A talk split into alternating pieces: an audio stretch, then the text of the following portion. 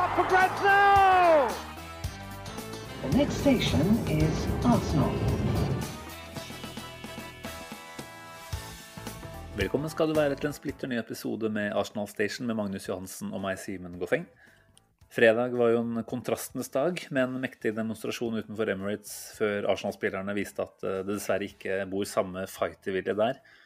Sånn som vi drifter av gårde nedover på tabellen om dagen, eh, så er det vel nesten så vi burde revurdere synet vårt på Superliga, Magnus? Ja, jeg har tenkt litt på det. At jeg burde, burde kanskje ha støtta forslaget litt mer enn det vi gjorde. Men eh, jeg tenker at vi får være glad for at uh, Arsenal-fansen som er lokalisert i England, tok ansvar på våre vegne og viste sin store avsky med mannen med bart og trofeer på veggen av ville dyr. Og rett og slett viste at vi ikke lenger ønsker å være med på, på, det der. Og på banen så viste Arsenal-spillere det motsatte. At de gjerne ja. ønsker å fortsette i samme ja, det er jo altså, det er jo ikke til å stikke under sola sånn sportslig sett, hvis man kan si sportslig i den sammenhengen her, da, så hadde jo Arsenal vært klubben som hadde kommet best ut av en superliga. Altså, vi er jo ikke i nærheten per i dag, da. Eh, så det å på en måte kunne få en gratis eh, billett inn i det man Jeg vet ikke om man kan kalle fotballens mekka, det er jo kanskje å overdrive det litt, men, eh, men, det ville jo i hvert fall gitt oss en skikkelig livline da, på et tidspunkt i klubbhistorien vår hvor vi ser ut til å virkelig begynne å sakke akterut, sånn skikkelig. Men, eh, men da er jo mm. desto mer Det blir jo en sånn stolthetsfølelse da, når man har Det var vel snakk om et sted mellom 10 og 15 000 som tropper opp en fredag kveld for å vise sin avsky både mot uh, den planen, men også da særlig mot uh, mannen bak.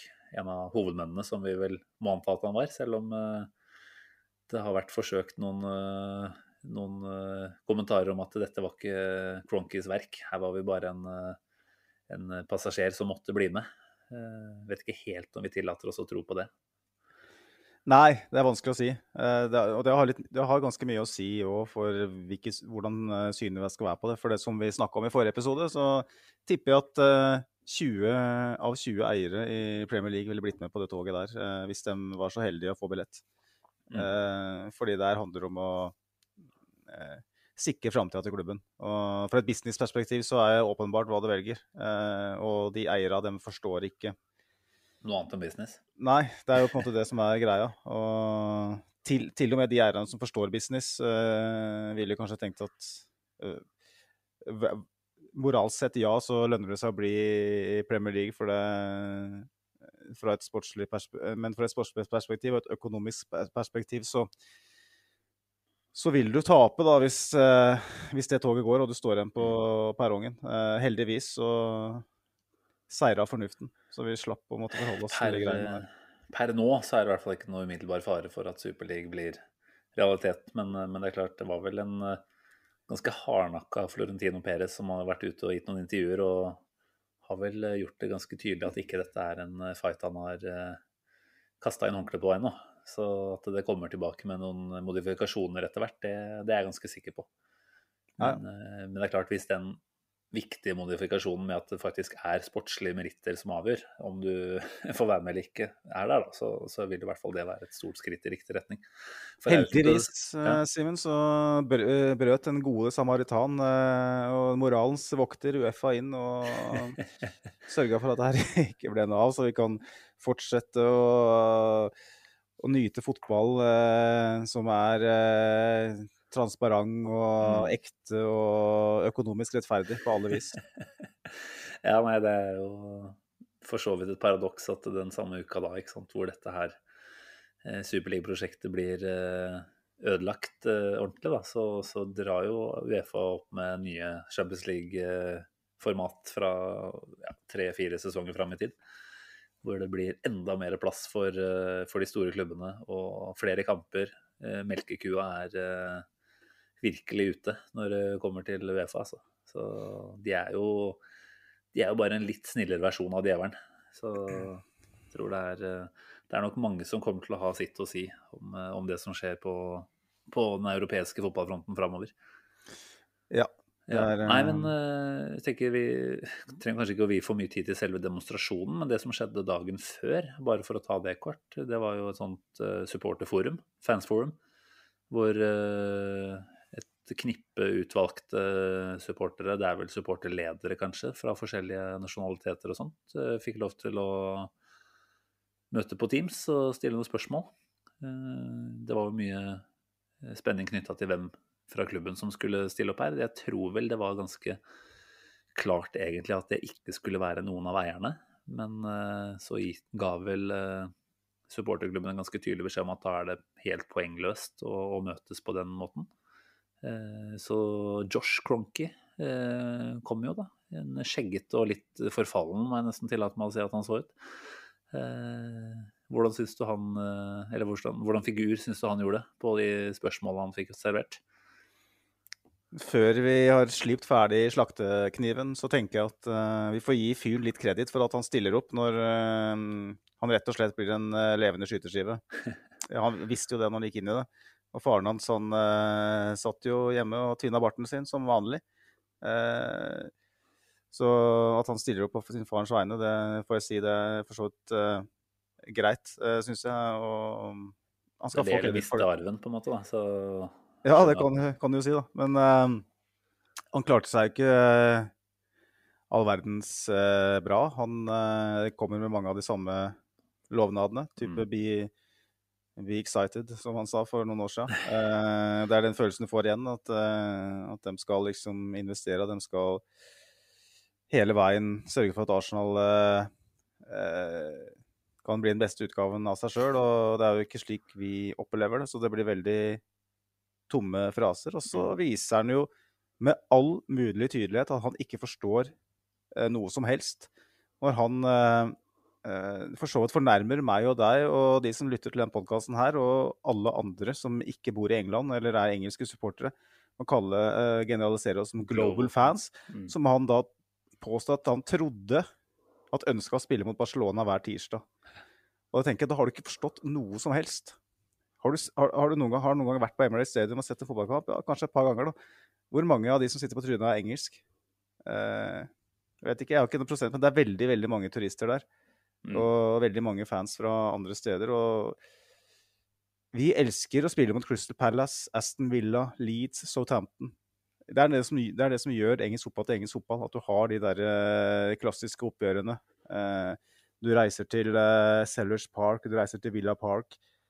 Eh, og skulle på en måte ta bort den delen av engelsk fotball og kun spille på de store stadionene, kun ha mm. sånne taktiske affærer mellom de store klubbene og de store managere. Uh, aldri spille en hjemmekamp klokka fire på en lørdag mot, et, mot en jumbo-kandidat som du kan slakte litt. Hvis du ikke, ikke forstår det, det lenger, men, nei, nei, men hvis du ikke forstår at vi som sitter på andre sida av Nordsjøen, syns det er interessant, da har du aldri vært logga på Twitter. Du har mm. aldri vært på en fotballkamp. Du har aldri forstått noe som helst. Og det jeg vil ikke si at det overrasker meg, men eh, det skuffer meg selvsagt. Uh...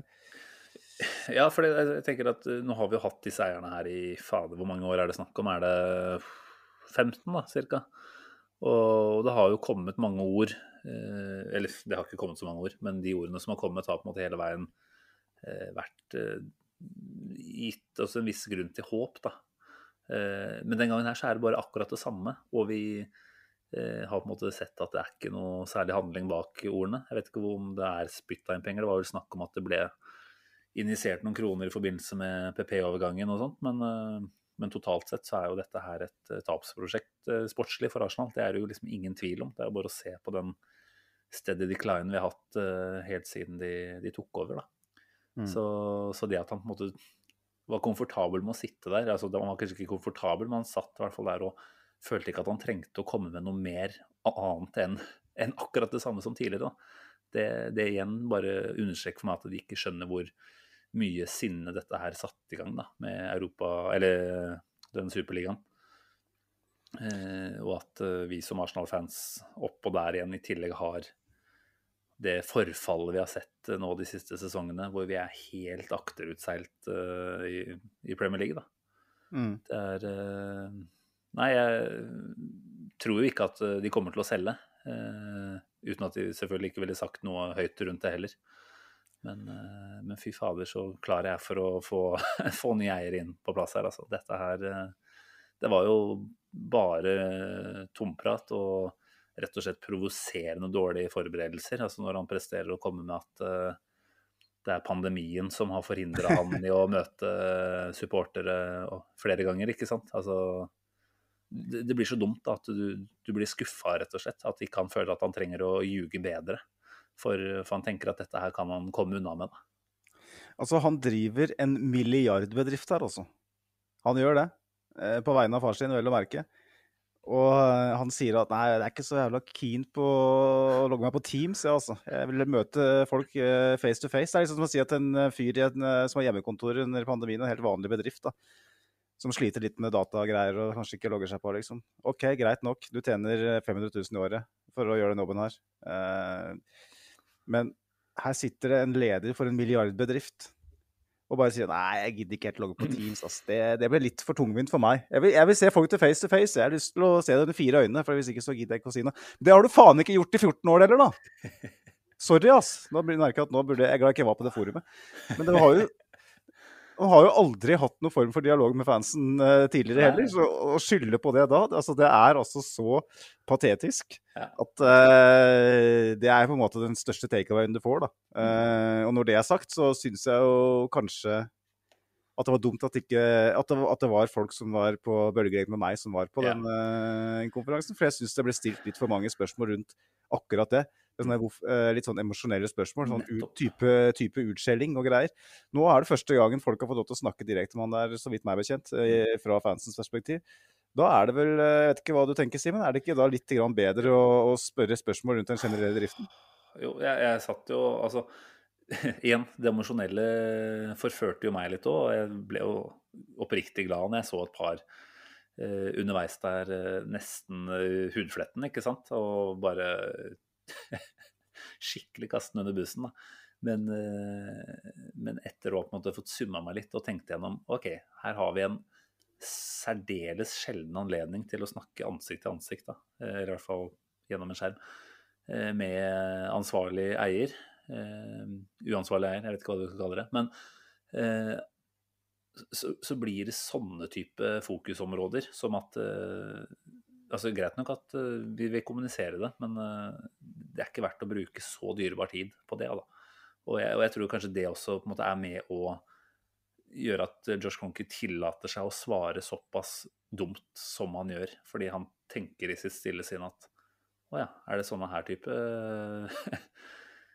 spørsmål man får å deale med her? Det var ikke det er jo ting han på en måte egentlig bare kan riste litt på hodet av. Eh, det er ikke ting han må prestere noe for å forsvare her, da.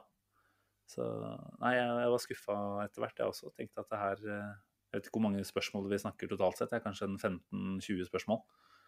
Og det ble veldig mye følelser som skulle ut, kontra å stille han helt, helt oppriktig til ansvar for den driften de har drevet med, og kanskje i hvert fall prøve å få tak i noen garantier for hvordan dette her skulle sett ut framover, da, når han var så tydelig på at de ikke har noen planer om å selge.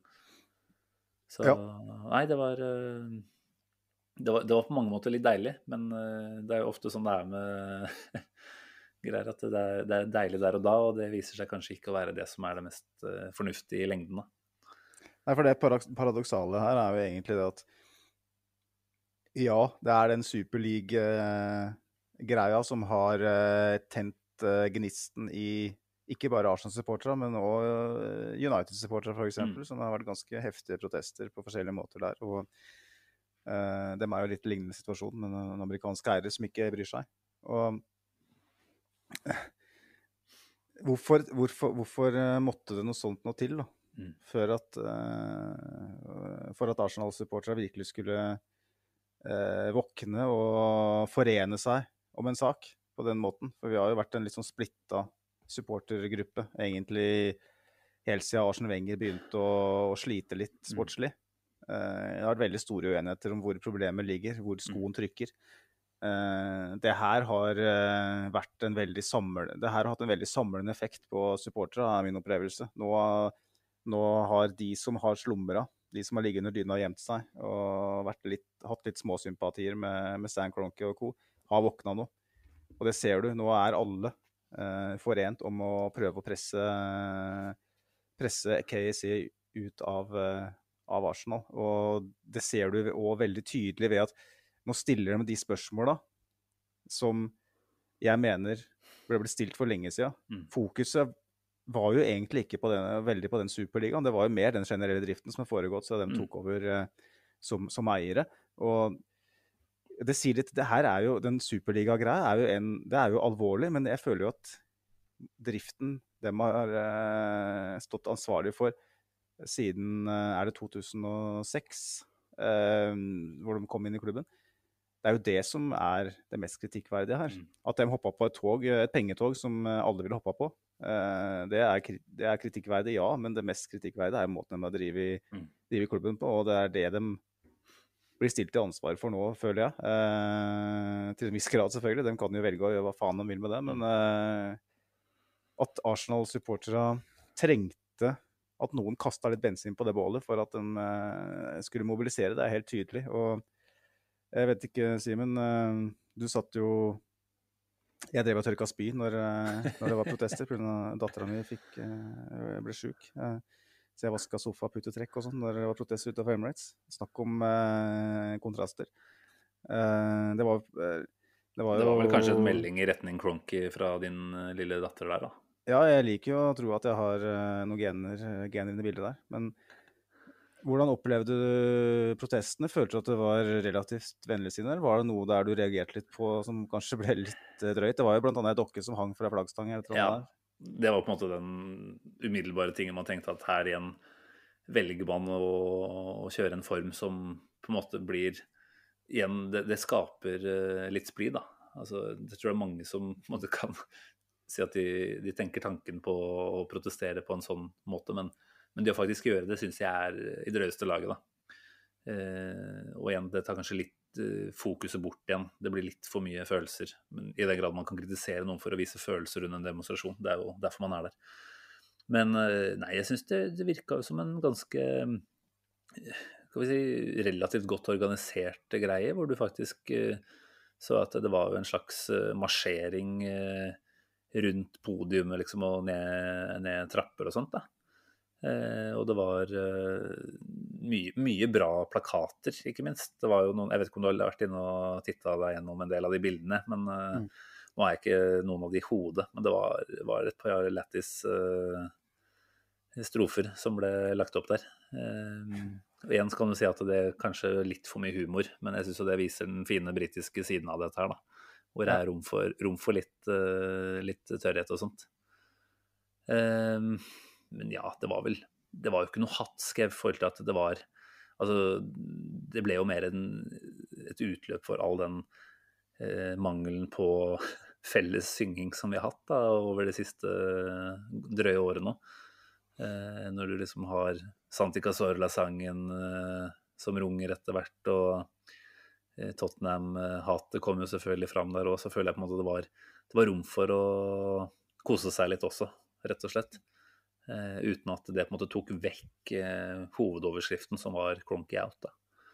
Så ja. um, jeg tenker det, det var bra uh, opplegg, og, og, det viser seg vel at dette her kanskje ikke blir den eneste demonstrasjonen heller. Jeg ser at det er planer for en ny allerede nå mot Eller på søndag. Nå spiller vi bortekamp, da, så jeg vet ikke helt om det vil på en måte få det samme fokuset når vi ikke spiller hjemme på Emirates. Men, men det er klart at man kanskje også må se det litt sånn på den måten at dette var én enkelt demonstrasjon. Og hvis vi virkelig ønsker å få til en eh, endring her, så, så, må vi faktisk eh, stå i det over en periode, da. Og én ting er å vise det gjennom demonstrasjonen, og en annen ting er jo, som vi var litt innpå tidligere, altså det å faktisk legge igjen penger i klubben. Eh, nå lar ikke det seg gjøre på billettfronten uansett. Jeg tenker jo at eh, det blir, det blir, veldig spennende å se hva som er status eh, ved sesongstart. men men er det sånn at man faktisk eh, kan eh, ta seg den Ikke friheten, men, men i hvert fall droppe å kjøpe drakt, f.eks. Til neste sommer, så håper jeg det også er en, folk, en, måte folk tenker at det kan være verdt å demonstrere på. Ja. Uh, uten at jeg helt vet hvor hardt det treffer han. Men det er jo helt åpenbart at det er det som treffer Cronky i, i kroner og øre, som, som, påvirker han og kanskje kan gjøre at han etter hvert vil revurdere Da. Hvis du hadde Hvis vi går litt tilbake til det Fans Forum som foregikk på Det var torsdag, var det ikke det? Jeg har ikke tenkt ut hva jeg ville ha spurt ham om. Nei, det var det jeg skulle spørre om. men oh, det er hva, Har du tenkt på det, eller får du ta det først? For der, nå stilte du meg veldig til veggs her. For det, spør det, spørsmålet jeg ville stilt, det tror jeg ville ha, uh, ha provosert veldig mange. Det ville provosere veldig mange. Jeg ville spurt, jeg ville spurt hvorfor satt Wenger så lenge? Hm. Det ville jeg spurt. Og så ville jeg ikke sagt noe. Skal, skal jeg hørt spennende, spennende å høre svaret. Hva og, tror du, altså, Du hadde kanskje ikke fått et ærlig svar, hva er det du skulle ønske at du hadde fått til svar på det? Nei, vi satt med fingeren eh, i nesen og den andre i et annet hull. Eh, og ga faen i alt som foregikk rundt oss. Og så la ikke merke til at de andre klubba, mm. Eh, konkurrentene, moderniserte seg. Lagde nye strukturer som var skreddersydd for den moderne fotballen. Så vi, vi sovna i timen, rett og slett. Og så lot vi stakkars Wenger holde på altfor lenge uh, alene. Er en uh, utdatert uh, struktur. Det hadde jeg håpet den skulle svart. Sannsynligvis hadde den svart at nei, i våre øyne så var uh, Wengen en innovator, og vi vil helst ikke sparke ned i det hele tatt. ferdig med det. Men jeg føler, jeg føler at det er et veldig legitimt spørsmål å stille. og det, mm. det spørsmålet stiller jeg som en Wenger-fan. en som vil Wenger alt godt, og som anser han som den største legenden i Arsenals historie. Iallfall den historien jeg kjenner til personlig. Og ehm, jeg føler jo definitivt at uh, dem satt på hendene sine da, og lot mm. Klopp gå til Liverpool, f.eks. Mm. Uh, når vi kunne ha fått den til Emirates og kunne ha bygd en struktur rundt han og, og, tatt det steget som var helt naturlig å ta på, på det tidspunktet. Fordi at det, det, de spørsmåla her, dem, de handler mye mer om det som har foregått gjennom lang tid, enn det som har skjedd siste uka. Helt klart. Og, det, og igjen som vi sa tidligere, at det at vi på en måte er i en situasjon her nå hvor Cronky tenker at dette her er uh, altså Sannsynligvis har vært noen pådriver for dette her, er jo et resultat av at han ser at det er uh, ikke noe garanti i Arsenal i Europa lenger. da. Uh, og, og, at dette her ville faktisk ha redda ekstremt mye av investeringen hans. og gitt oss faste opptredener i, i, det beste selskap. Mm. Så nei, jeg tror du har veldig rett da når du måtte, antyder at han ville vel rett og slett bare måtte ja, avslørt seg og, sagt at vi har, vi har sittet altfor langt unna. Vi har ikke fulgt med på dette her. Og under Wenger så kunne de på en måte tillate seg det, for det var en fyr som hadde, hadde veldig veldig god kontroll, kontroll, på veldig mange nivåer i klubben. Eh, og så ble det jo for mye også for han etter hvert. Men, Et ansvar hadde jo selvfølgelig for, for Josh Cronky sin del vært at Wenger eh, gjorde det komfortabelt for oss, som du er inne på. ikke mm. sant? At han, han maste ikke om eh, masse med investeringer. og han gjorde jobben sin, og vel så det, og sørga for at, uh, at, klubben stort sett uh, nådde det minste som mm. var kvalifisering til Champions League. Yes. Ja. Jeg vet ikke om det var et spørsmål som ble stilt, men dette med å ha en slags måte å ha en fansrepresentasjon i styret på, Eh, det er jo et interessant vet, Kan du huske om det ble stilt? For det, mm. det er i hvert fall noe jeg har hørt det har vært en del eh, ønsker om og, og prat rundt. Eh, det ble snakka veldig mye om det. Ja, det kunne vært veldig interessant å vite hva de i så fall forholder seg For jeg tror ikke det er noe de på en måte ville nekta, eller turt å nekte, i en sånn her type setting som et fansforum er. da. For det, det er klart at det å se på hvem som sitter i det Arsenal-styret nå, det er jo nok til å bare gi opp, egentlig. Du har mm. to stykk Cronky, ett stykk Team Lewis, og så har du vel han derre uh, siste gamlefar. Jeg husker ikke hva han heter engang. Lord et eller annet. Han ja, Lord. Peckham eller noe sånt, er ikke det? Har Peck Harris ah, oh, Jeg vet ikke faen. Men, uh, men å få inn en, en, en ja, Kanskje ikke en Team Payton nødvendigvis, da, men han har i hvert fall vist seg veldig synlig nå i forbindelse med hvordan Arsenal Supporters Trust har, eh, har eh, de, de, må jo sies å ha gjort en veldig god jobb i forbindelse med det som har skjedd den siste uka. Eh, mm. Og det er klart å få inn et sånn type ansikt og en sånn stemme vil jo Det ville kanskje ikke betydd så mye, men om noe så ville det i hvert fall gjort at de andre som sitter i det styret, er mer oppdatert. da. Fordi ja, ja nei, sitter, du skal ikke sammenligne med Trump her, men det er liksom Han gadd omtrent ikke å lese utenriksbrifene han fikk fordi det var for slitsomt. Det blir litt samme følelsen du får med Cronky her. altså det det koster litt for mye å sette seg inn i det som skjer i klubben. Og da, da bare gir de faen, så håper de på det beste, rett og slett. Ja, men eh, jeg tenker jo liksom at først og fremst så bør jo dem snakke med, med manageren og, ja. og, sportsdirektøren. da. Jeg, jeg tenker jo at fan, fansrepresentasjon i styret, ja, det er jo en fin tanke. Eh, en symbolsett, eh, veldig fin greie, ikke sant. For det, det viser mm. jo på en måte en, en, en eh, en skal jeg kalle det, et ønske om å ha et samarbeid og en eh, og ja, ikke, sant, ikke minst lytte. Mm. Eh, men eh, jeg tror ikke nødvendigvis at det er, det er veien å gå. For det, det, er klart, da, da, vil jo den ene supporteren Jeg vet ikke om det blir veldig pressa. Ja, og jeg tenker at uh, de har nødvendig, ikke nødvendigvis den kompetansen. Og, og det maset om at de skal ha interaksjon med fansen og sånn. jeg tenker ikke Det er ikke det det handler om heller. da. Det handler om at de, er opp, at de kommuniserer med med de som styrer klubben til enhver tid. Uh, som er satt til å, å styre klubben. Uh, ikke ansetter en uh, Raoul Sanjei som bare er ute etter å pleie kontaktnettverket sitt og jobbe mot superliga, et superligakonsept. Yes. og la bare la han holde på helt til det blir så ille at de må hente inn en sånn ekstern hjelp for å fjerne han. Eh, men ha en, ha en hands on eh, approach. Eh, følg med på det som skjer. kommuniser gjerne med supportere, men det er ikke nødvendig å ha noen i styret, sånn sett. tenker jeg, da. Hvis du skal ha noen i styret, så tenker jeg da får du gå for en, en, en som har enten spilt i klubben eller trent i klubben. Også, jeg tenker jo det her er jo et forslag som ble, ble fremma av veldig mange. Eh, hvis eh, Arsen Wenger plutselig skulle finne på å kutte mm. ut eh, Fifa, uh, så er det jo en, en, spill, nei, en spiller, en manager som har vært manager i Arsenal i over 20 år, som vi vet har klubbens beste i sitt hjerte. Gi han en, en mm. sånn rolle, da. ikke makt, men en som kan være med å uh, iallfall sørge for at Arsenals beste blir ivaretatt. Mm. For det føler jeg jo ikke eh, finnes på styrerommet per dags dato. Nei, det er godt shout, egentlig, det, altså. Eh, om man er villig til noe sånt. Det er en annen sak. Mener vi kanskje at det er litt for tidlig ennå, uansett. Mange andre i supporterlandskapet vil også synes at det er altfor tidlig. Det er vel en del som dessverre nesten la Wenger for hat og har bestemt seg for å ikke gå tilbake på det. Wenger er en uh, konfrontasjonssky type.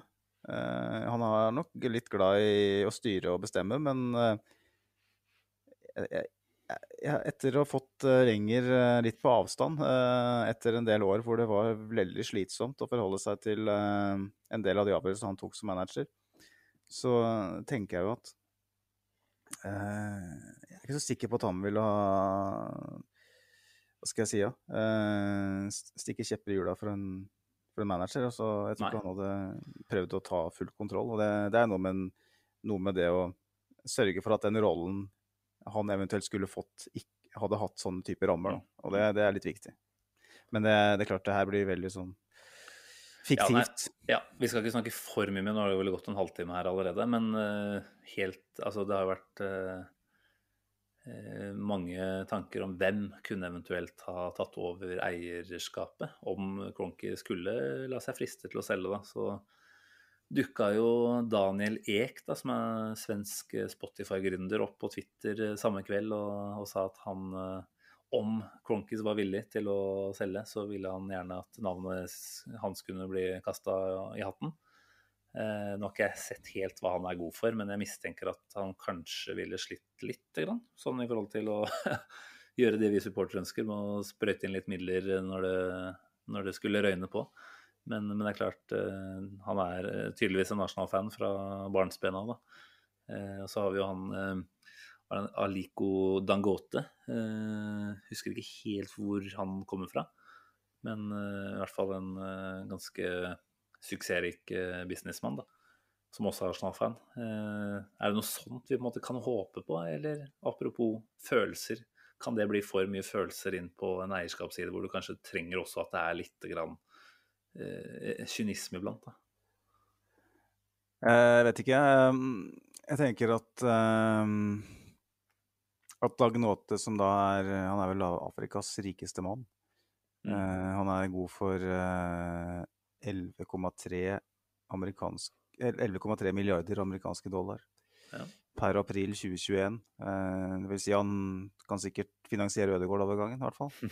hvis, hvis, den er mulig å, mulig å gjennomføre. Um, etter å ha vært uh, Cronky-eid i x antall år, så higer man jo etter å ha en eier som uh, skjønner hva det vil si å, å, å heie på Arsenal, uh, i den grad han faktisk er veldig engasjert. Det er vanskelig å si. Men samtidig, det er viktig selvfølgelig at, at en eier da ikke blir helt Abramovic, da, i mine øyne. For i Chelsea så er det greit å ha en Abramovic, for at han vil Eh, hvis ting går til helvete, så er det bare å stjele litt mer penger fra russiske folk, så ordner det seg, liksom.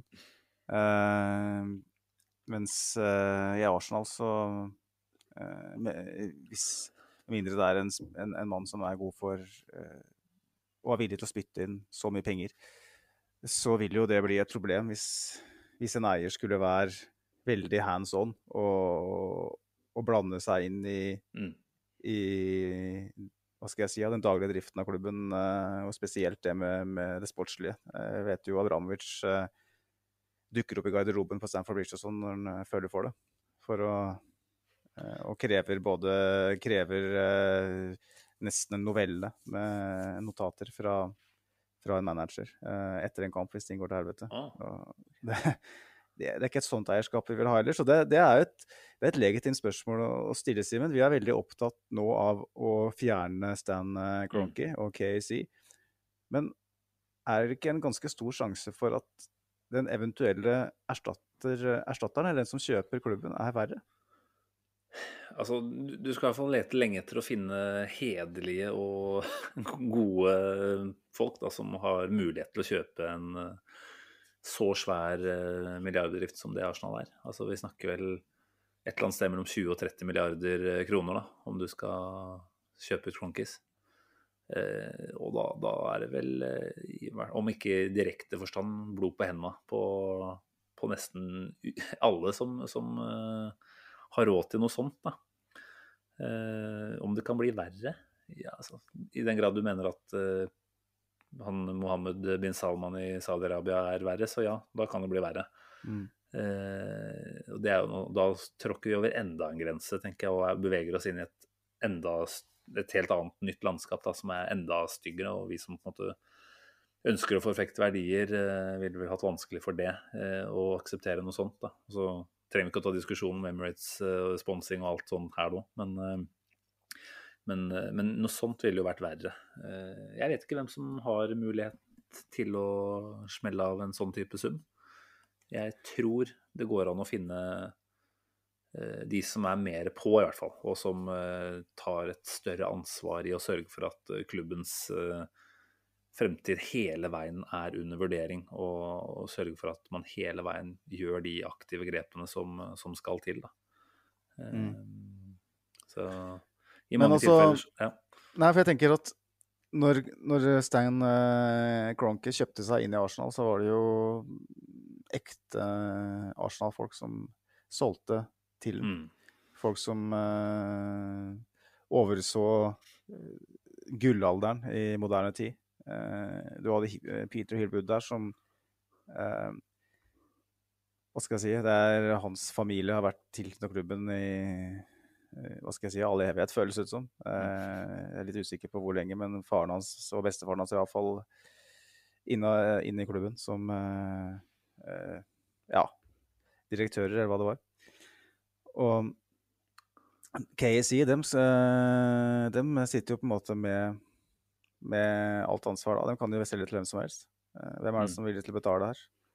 Stoler vi på at dem tenker klubbens beste når de skal selge, selge klubben? Så det er klart, det er en situasjon nå som er veldig, veldig veldig vanskelig. Mm. Eh, vi må sannsynligvis, hvis, vi, hvis klubben blir solgt, stille oss eh, moralske, enten moralske spørsmål, eller så må vi kanskje bite i oss at neste klubb er ganske lik, lik KSI i måten de driver klubben på. Det, er, det, her er et jævlig vanskelig tema. Jeg tenker at den, de demonstrasjonene som blir gjort nå, dem håper jeg holder frem. Fordi at i det aller minste så kan de kanskje eh, på en eller annen måte framprovosere en reaksjon hos eh. Da kanskje ansetter de noen folk eh, som tenker at den støyen her, den orker vi ikke. Mm. Så kanskje ansetter vi noen eh, som eh, i enda større grad tar seg av den daglige driften. Som distanserer dem mer, på en måte, men som, som handler i deres uh, embete. Mm. Jeg tenker at det må være kanskje det vi må håpe på. Jeg tror det at det skal mest, selge, det tror jeg er usannsynlig. Altså. Ja, det er kanskje det som er mest realistisk, i hvert fall. Og det, det, er verdt å Jeg vet ikke helt uh, hvordan de tenker at en sånn type struktur skulle legges om. Altså, hvem, hvem, skulle det være, og hva slags type rolle er det? Altså, vi har jo forsøkt strukturer som har gått uh, på dunken etter bare kort tid. Uh, gjør man et nytt forsøk på noe som man måtte, valgte å gi opp så kjapt? Men, men, at det kan framprovosere noe, i hvert fall håndfast, ja. Eh, lar vi oss som supportere på en måte blidgjøre hvis det spyttes inn penger til en uh, stjernespiller eller to da, i sommer? Uh, tenker vi at vi på en måte er på godfot igjen da? Nei, Nei. jeg tenker uh, på ingen måte. Nei, og det er ikke noe... Gå og hente Haaland og Mbappé og sette dem på topp. da kommer sikkert både du og jeg til å glemme. da er det water under the bridge, hele greia, men sånn reelt sett så, så, handler ikke det her om penger. Det handler ikke om investering. Det handler, det handler om, eh, det handler om eh, daglig drift av den fotballklubben her. Og, og, oppmerksomhet, rett og slett. Fordi at den har mangla helt. Ja. ja. Det tenker jeg er et fint sted å legge den uh, praten død for denne gang. Eh, hvis ikke du har noe mer du vil eh, dra fram. Det er veldig mye mer å komme med, men det tar vi en annen gang. Ja, det blir for lenge. Eh, jeg syns vi skal snakke kort om den kampen som også ble spilt på fredag. Det var jo for så vidt en, nok en ganske impotent eh, forestilling som sånn innholdsmessig gir oss lite å prate om. Men det er vel nettopp det da, som er samtaleemnet. Hvordan vi nok en gang skaper så lite eh, som vi gjør. Eh, bare for å ta de kalde faktaene først. Dette var da den åttende hjemmekampen denne sesongen hvor vi ikke har skåra mål. Eh, det er jo en utklassing av det som har skjedd eh, tidligere sesonger. Altså De fire foregående sesongene så hadde vi i hver av de én eh, kamp uten scoring. Det er vel en expected goal-statistikk som viser at vi er omtrent akkurat der vi skal være i forhold til produksjon. Så, så vi kan på en måte ikke gjemme oss bak stang ut og ineffektivitet heller, eller at vi har både Aubameyang og Lacassette ute da, i denne kampen her. Eh, det, det, skapes for lite, og det skapes for eh, ja, for lite store sjanser, rett og slett. da. Eh, hva sitter du igjen med etter den fredagskampen her? Som da, det som blir avgjørende, er jo en gigantisk tabbe, som selvfølgelig også må, må nevnes. Ja, nei. Du kan jo starte med den impotente angrepsvåpenet vårt. Enketia tenker du på, eller tenker du generelt? ja, nei, begge, eh, begge, deler egentlig. det. Ja. Nei, altså du, du nevner jo XG-en, og den, den uh, harmonerer fint med den statistikken som er uh, mer håndfast òg, uh, som er skudd per match. Og der ligger vi jo der vi skal gjøre, sammen med skudd på mål. der ligger vi på ellevteplass, er det vel, i ligaen per match. Så vi, vi, ligger jo der vi skal, skal mm. være. Um, og vi, vi, kan jo til del skylde på at uh, begge Nå tenker jeg først og fremst på den matchen her, selvfølgelig. Begge spissa våre er uh, ute. Uh, det er jo ekstremt uflaks at, en, at Aubameyang får malaria, og at Lacassette pådrar seg den skaden mot, mot Fulham som gjør at vi må eh, starte med en spiller som dessverre ikke helt holder på, på det nivået her. I hvert fall ikke per nå. Eh, og du ser jo at eh, Jeg syns jo at vi hadde en relativt positiv start på kampen. og eh, En del angrep eh, dør rett og slett ned, for at dynamikken eh, stemmer ikke mellom Nketia og Smith-Roe og mm. Saka. der hvor de har et veldig godt samarbeid med Lacassette. Mm. Hvor han er på hva skal jeg si, på rett plass til rett tid. Ikke bare i, bok, ikke i boks nødvendigvis, for der, han, der, sliter han litt òg, men det er mer i, i det oppbyggende. da. Mm. Så går Nketia kanskje i feil rom. Eh, han, du så en, en, situasjon der hvor PP kommer seg løs nede på linja og slår inn. og Veldig god målsjanse, hvor Nketia beveger seg helt feil. Eh, han, kunne, han, han, burde jo bare fortsatt løpet sitt mot, eh, mot første stolpe. Han kunne jo fått mulighet til å flikke inn, eh, flikke inn i mål, eller Eh, bare hva skal jeg si, har flukta han videre. Mm. Eh, ellers så kopp Saka på et veldig godt løp rett bak Men i stedet så stopper han opp og blir da nærmest uh, skjerma bak en, en Everton-forsvarer, og sjansen bare fisler ut til ingenting. Eh, det er klart det er, det er, kanskje litt strengt å skulle ta opp én situasjon og si at se her, Nketi er ikke god nok, men du ser det jo med unntak av en del brukbart uh, hold-up-spill i første kvarteret, så, så, faller han egentlig gjennom. og uh, når du da ikke har noe mål ellers i laget, så blir det jævlig vanskelig. Da. det er ikke noe vanskelig å se hvorfor Arsenal ikke skårer mer enn vi gjør. Og så, som du sier, altså, uh, Vi snakker veldig mye om at uh, at vi blir friskmeldt etter Chelsea-kampen. Mm. Og mye har skjedd siden Chelsea-kampen. Vi spiller mye bedre enn vi gjorde i fjor høst. Men fire av de åtte kampene på hjemme hvor vi ikke har skåra, har faktisk skjedd etter den Chelsea-kampen. Uh, vi har en del kamper hvor vi skårer både to, og tre og fire mål, men så har vi jo altfor mange kamper hvor vi ikke klarer å skåre. Og når du tar ut Aubameyang, du tar ut Lacassette, hvem er det som skal skåre mål for Arsenal? Når uh, til og med P er en spiller som Arteta egentlig ikke er så veldig glad i, mm. som tar av helt merkelig etter uh, 75 minutter. Altså, hvor mange mål har Dani Ceballos, Granit Xhaka Thomas Partey, som er midtbanespillere til sammen? ikke sant? hvor mange mål har forsvarsspillerne våre. Hvor mange mål har Emil Smith-Roe, som jeg, jeg, jeg, mm. tror han kommer til å skåre en del etter hvert. Men her er poenget, da. Det er ikke noe mål i det laget her. Og da er jo spørsmålet til deg, Simen. Har vi en haug med spillere som er helt uh, vaksinert for å skåre mål, eller som ikke er målskårer, eller handler det noe om måten vi bygger opp uh, spillet på. Jeg tipper det er et, uh, et, et svar som uh, kan gi mange Et spørsmål kan gi mange svar på. Ja, og så tenker jeg at det er nok litt sannhet i begge deler. Men, men, jeg har jo på en måte begynt å stille meg det spørsmålet litt nå, ut ifra hva jeg har sett i en del kamper hvor vi sliter, hvor det er 0-0 lenge. Og jeg ser at Altså, vi, vi holder ofte fortsatt på med dette omstendelige, oppbyggende angrepsspillet vårt Eh, som ofte begynner veldig langt bak på banen, og hvor vi kanskje aldri kommer fram egentlig i det hele tatt. Eh, og har begynt å kjenne litt på at spørsmålet er er Arteta litt feig, rett og slett. Altså sender vi opp eh, for få spillere for sjeldent? Altså blir det Det er jo ikke noe tvil om at Arteta nå på en måte har gjort en innsats, en betydelig innsats på å gi oss defensiv trygghet. og det, det har jo selvfølgelig sin pris, men men koster det litt for mye nå? Altså dette defensive Jeg vil velge å si at vi er defensivt solide. Jeg syns det er mye tabber og enkelt, uforklarlige enkeltmannsgreier uh, som, som, har stått bak mange av baklengsmålene våre. Uh, men, men, koster det rett og slett for mye i form av det vi mister framover? Jeg uh, tenker vi kan forklare at det, det kan forklares med at vi har fravær av spillere med at vi tidvis i sesongen ikke har hatt uh, tilgang på den og den spillertypen. Og da tenker jeg da særlig på en sånn ordentlig kreativ midtbanespiller. Uh, men du begynner å lure på om det også bare må forklares så enkelt som at handler det litt om at en, spillerne her får beskjed om at de får ikke lov til å, å rushe fram. Uh, skal det være såpass med forsiktighet i en del av de kampene vi har, eh, vi har stått og stanga i. Da.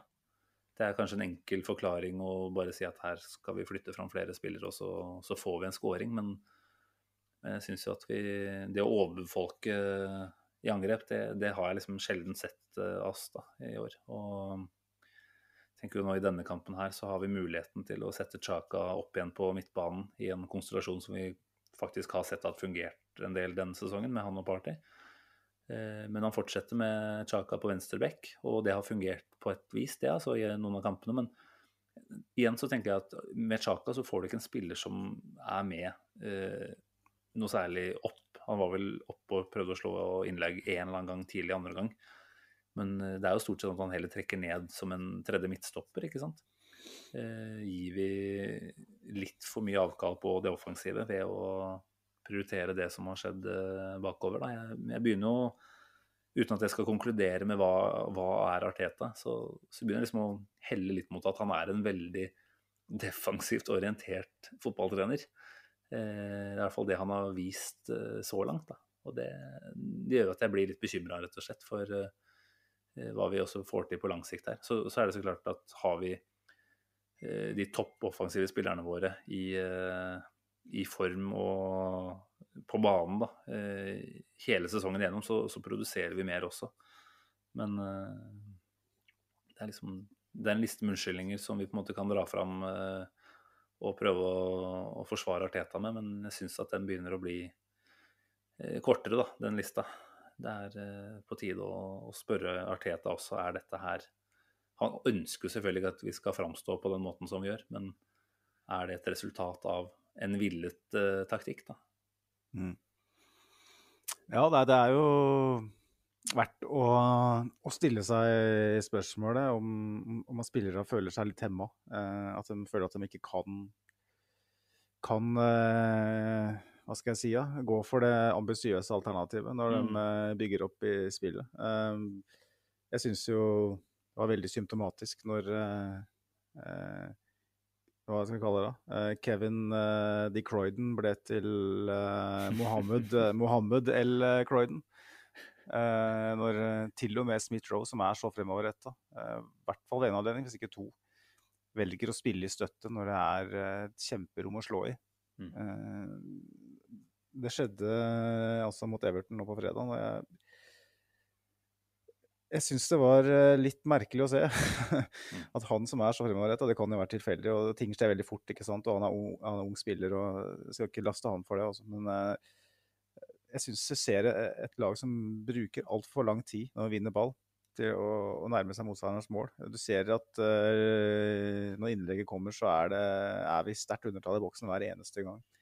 Everton var eh, Jeg syns Everton var gode i, i, det defensive spillet.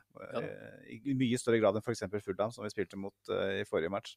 Så det er på sett og vis uh, noe verdt å nevne. Men uh, hvorfor det, ser de så gode ut? Det er, jo, det er jo fordi at vi vi stiller ikke, de, stiller ikke, de, store kravene til dem. Vi, vi, vi, setter dem ikke på prøve, rett og slett. På det nivået vi bør bør gjøre. Ting, det går for sakte. Så det, mm. når eh, pasningen kommer, så, så, kommer bevegelsen. I stedet for at bevegelsen eh, utløser pasningen, som, som, jeg mener Arsenal på hjemmebane eh, bør sørge for. At, at, vi har Jeg så jo City mot Tottenham i dag, selvfølgelig, hvor vi så Tottenham eh, for 14 år på rad er det vel, ikke vinner et et trofé. Det er jo godt å, å registrere. Um, nevne at eh, jeg som Nogo fortsatt har eh, vunnet flere trofeer i England enn Harry Kane. Da. Ja, det er deilig. Men når du ser liksom nå Nå City angriper, da. Det er jo Guardiola-fotballen vi forventa mm. at Arteta kanskje skulle etterligne mest.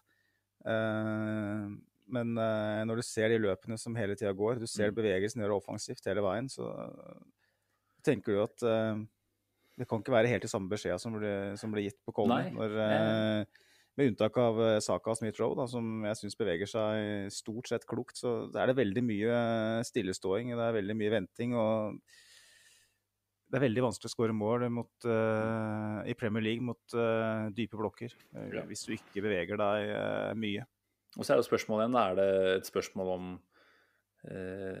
energi, rett og slett? Altså, det er jo et ord vi har kommet tilbake til ofte denne sesongen her. og det ser i hvert fall ut som det er mangelfullt. da. Eh, en Saka, du nevner han, eh, syns jo han nå i en liten periode har vist at han kanskje ikke har akkurat den samme spruten som han har hatt på sitt beste denne sesongen her. Det er klart en konsekvens av at man har krevd mye av en del av de unge spillerne. Det slår jo også ut i form av at det blir også noen veldig svake prestasjoner iblant. da. Eh, men eh, ja, det er kanskje urettferdig å sammenligne oss med eh, Eller sammenligne Arteta med Guardiola med tanke på at dette er første prosjektet hans, og det er så i startgropa fortsatt, må man jo kunne si. Og det har vært så mange omstendigheter som har krevd mye, mye av han. Eh, men, men, igjen, det er, noen, det er, noen, tegn her til at man i hvert fall kan begynne å undre seg over Arteta er en Guardiola-kopi, eller om han egentlig er, er, noe litt annet. Eh, jeg skal ikke si at han er en Mourinho-kopi, eh, for så pragmatisk er han ikke, vil jeg si. Men, men at det har vært veldig safety first, som i hvert fall har vært følelsen man sitter igjen med mange ganger denne sesongen, her, det, det kommer man liksom ikke unna. altså.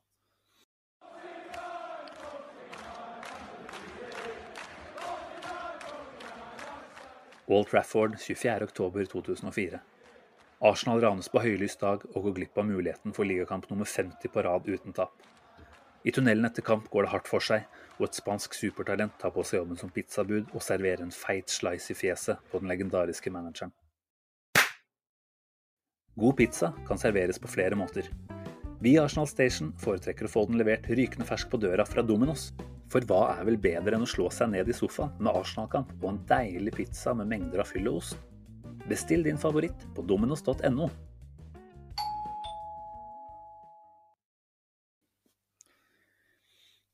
Når vi snakker om eh, mål fra midtbanen, Simen, så ser du jo at eh, Joe Willoch uh, blitt en uh, goalgetter, nærmest, i Newcastle. Er i ferd med å sørge for at det skal jeg si, ja, kjedelige Newcastle eh, kommer til å overleve nok en sesong i, i Premier League. Um, når du ser på midt, mangelen uh, på målskårere på vår uh, midtbane, tror du Joe Willoch er mannen å ty til fra og med august? Det blir jo litt enkelt å sette to, to streker under svaret om at det han produserer i Newcastle, ville blitt repetert i Arsenal. Men, men, det er jo tross alt i samme liga og sånn sett mot uh, god motstand nå. Han har skåret flere mål nå. Har jo vært uh, direkte avgjørende i sluttminuttene i tre av kampene til Newcastle. Mot, Everton, nei, mot uh, Liverpool og Tottenham og Westham, er det vel. Så det er jo ikke hvem mm. som helst han skårer mot heller. Og det er jo kanskje noe vi har sett at han har hatt et slags potensial til å få til også hos oss. At han kommer på på løpende fra midten og havner i en ålreit avslutningsposisjon. Litt à la Aaron Ramsey, da. Så jeg vil jo kanskje si at jeg i utgangspunktet eh, gjerne kunne sett at han hadde en slags lignende rolle i Arsenal, hvor han var tilfreds med å få et kvarter 20. Altså igjen så handler jo dette om passer det inn i Artetas eh, måte å se på fotball på. Altså, vi har jo kritisert Arteta for å kanskje ikke ha den samme desperasjonen eh, i eh, sluttfasen i kamper som vi gjerne skulle ønske. Og det er jo en sånn type eh, kampbilde jeg ser for meg at Joe Willoch kunne passa inn i. Eh, hvor han på en måte kommer inn i et forsøk på å få til noe helt mot slutten, da. Um, så ja, altså jeg tenker det handler om hvor mye eventuelt vi blir tilbudt. Får vi et sted mellom 20, eller får vi over 20 millioner pund for, så tenker jeg at vi kanskje bare må selge for å finansiere hullene vi har andre steder på banen. Um, vi hadde vel spørsmålet ute på Twitter og for så vidt. Og, og Trond Andal skriver der eh, på spørsmål om vi burde ha Willoch i stallen neste sesong. Absolutt ikke. Passer ikke. Nei, han passer i en slik klubb som Newcastle. Eh, vi må sikte høyere. Mens eh, Vegard Paludan Helland skriver ja, men en brukbar stallspiller eh, vil heller at han enn en El Neni. Eh, og det er på en måte han, han, ville aldri vært noe mer enn en stallspiller for oss, da. Men med tanke på at han er en Academy-lad og har vist at han kanskje har noe å fare med, da, også i Premier League nå, så, så kunne jeg absolutt ha sett på en at det var en som var en del av en stall eh, neste sesong.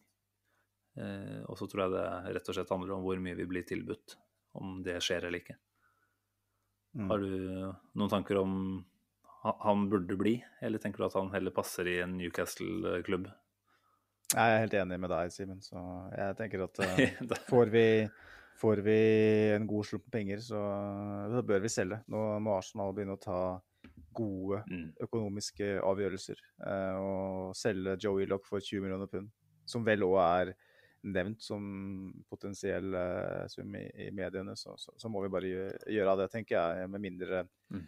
med mindre, man ser noe helt spesielt som ikke har vært tydelig å se uh, i, i, hans prestasjon på banen. For, mm. for Arsenal så, så, har den vært en spiller som ikke passer inn. en spiller som i mye større grad passer inn i et lag som har ballen mindre.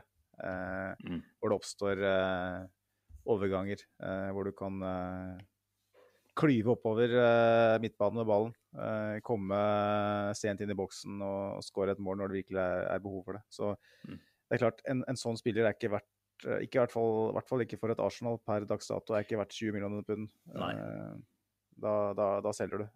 Hvis, han, hvis, vi ikke får solgt den, så kan det absolutt være en, en bra spiller å ha på benk, men ikke noe mer.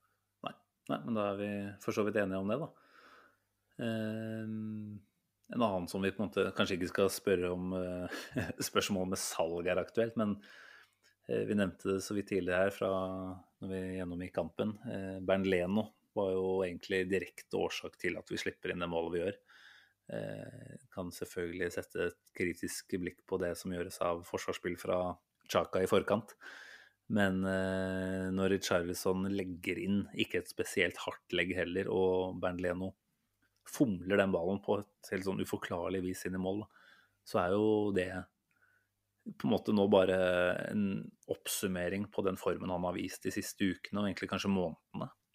Hvor han har uh, vært ganske dårlig, rett og slett. Uh, hvor han ikke har en, i hvert fall i mine øyne, en slags aura, of presence som jeg tenker at en Arsenal-keeper bør ha. Altså, han er lite dominerende. Um, det var du som nevnte det før uh, sending, så jeg tenker du skal få svare på spørsmålet aller først. Uh, solgte vi feil keeper i fjor sommer? jeg har ikke lyst til å svare bombastisk på det. Men det kan jo virke litt sånn. Emi Martinez er jo en keeper med en helt annen evra.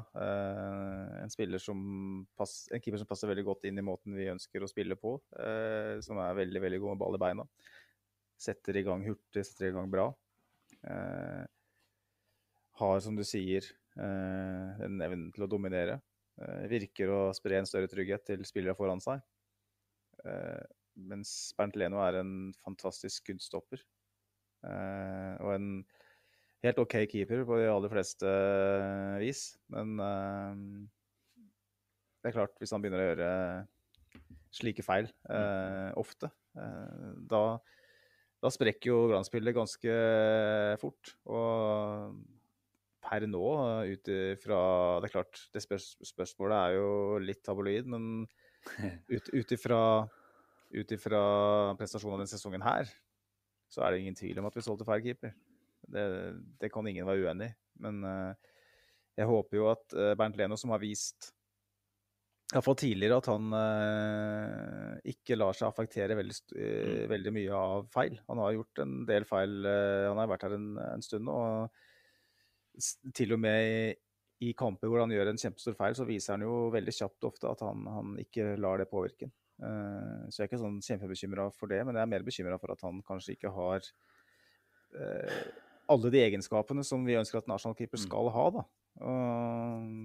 Det er jo jeg vet ikke hvordan du tolka uh, den situasjonen i fjor sommer, når Arteta sa at han, han, kunne ikke garantere Emil Martinez rollen som førstekeeper.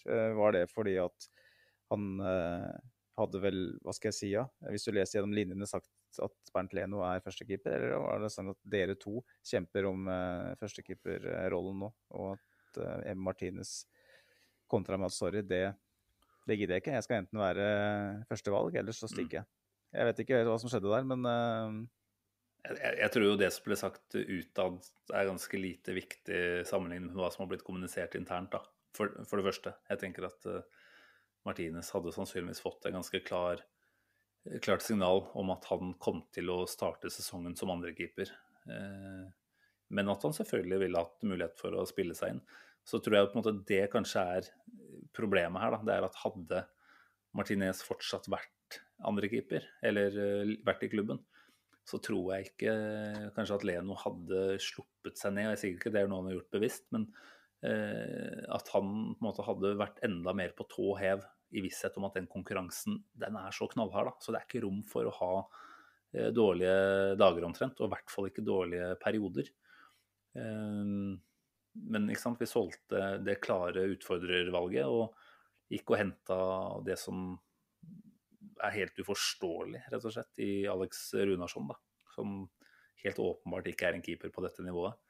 Og når Bernt Leno da har det som konkurranse, uh, og målestokk for så vidt da, på trening uh, på feltet, så, så, er det klart at det sniker seg inn en sånn litt grann avslappa holdning som du ikke kan tillate deg å ha på det nivået her, og særlig ikke i en så avgjørende og synlig posisjon som keeper hvor ting kanskje har gått litt saktere etter hvert enn det de gjorde tidligere, i form av utspillfasene. Så vi ser jo at vi eh, kanskje i større grad må eh, slå langt, istedenfor at Bernt tar ansvar og spiller oss ut kort bakfra. Um, så jeg tror det er det som er det absolutt største problemet. Det har ikke vært en reell konkurranse om den keeperplassen. Og det har gjort at Leno rett og slett har dette et hakk i fokus, kanskje. Jeg vet ikke om det kan forklares med noe utenomsportslige greier, om det har vært noe anliggende på privaten som kan ha påvirket han. Jeg har ikke hørt noe om det, i hvert fall. Men, eh, men eh, jeg tror jo det er helt umulig å si hva var det riktige valget i form av hvem skulle vi solgt og sånt. Så det er godt mulig at eh, Martinez ville fått et, en helt annen mental innstilling om han skulle stått for det som på en måte er en presumptivt toppklubb, da, kontra en mer utfordrerklubb som uh, Will er.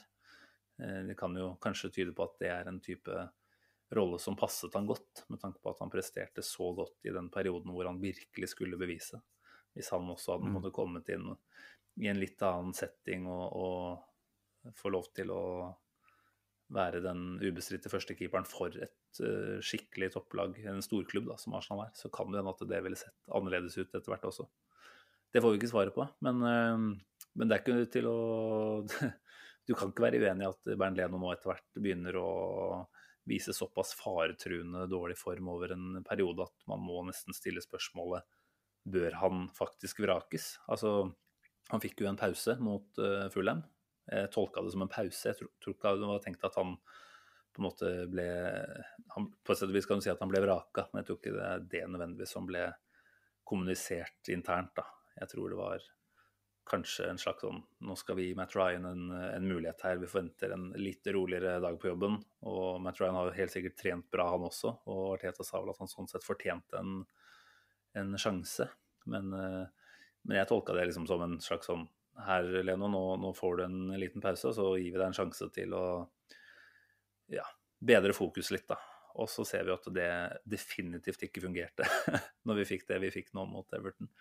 Og da, mm. da er det jo jeg, jeg, tror ikke han vrakes mot Villarreal, men jeg syns at det spørsmålet faktisk eh, må stilles.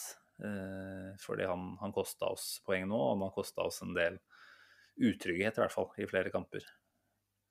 Ja, og det passer jævlig dårlig at mm. uh, spissa våre er skada, og at uh, keeperen vår er ute av form når vi skal inn i en semifinale i Europaligaen. Uh, jeg håper at uh, vi ser den Leno som jeg for så vidt snakka om, en, en, en, type som kanskje ikke lar seg affektere så til de grader. For jeg føler at den feilen han gjør i den kampen her, er kanskje den mest synlige feilen han har gjort mm. denne sesongen her. og forhåpentligvis kanskje en skjerpende greie. For at nå ja. Debatten rundt eh, Leno den har jo aldri vært så het som den er, er nå. og Leno har jo innrømt uh, tidligere at han leser det som blir skrevet til på sosiale medier osv. Så, videre. så mm. får vi håpe at han eh, bruker det konstruktivt og ikke lar seg eh, affektere negativt av det. Um, ja. For det vet jo at det fins folk som det er vel en grunn til at det ble sånn uh, sosiale medier-lockdown i, ja. i engelsk fotball nå neste helg, er det vel? Neste helg. Stemmer det. Så spørsmålet er om vi skal følge den. ikke, ikke reklamere for nye podkastepisoder eventuelt, men uh, vi får se. Jeg føler at det er lite hatsk stemning, i hvert fall i våre kanaler, så sånn sett kan vi tillate oss å holde åpent. Det er vel uh, gjerne i trådene under uh, både Premier League-klubbene og spillernes Twitter-kontoer at det skjer mye dritt. Altså, vi så jo nå som et eksempel på det, Chaka fikk jo sin andre baby, var det vel, her om dagen. Og det ble jo lessa inn hat på den, eh, det bildet. Det er så ufattelig trist og provoserende å se på, altså. Idioter som sitter hjemme i kjelleren sin og ikke har noe bedre å finne på enn å spre drit på den måten der. Det, det kan man virkelig klare seg uten i den verdenen. Det viser jo at, uh, at det spiller etter hvert mindre rolle hvem det er som legger ut noe. Granit Sjaka for mm. noen måneder siden så hadde vi forventa at det hadde blitt fylt opp av eder og galle, men uh, sånn Granit Xhaka har prestert etter nyttår, så tenker jeg at det er ikke naturlig at det er så mye hat. Så Nei. det spiller nesten ingen rolle hvem det er som poster noe. Det er Nei. bare tastaturkrigere og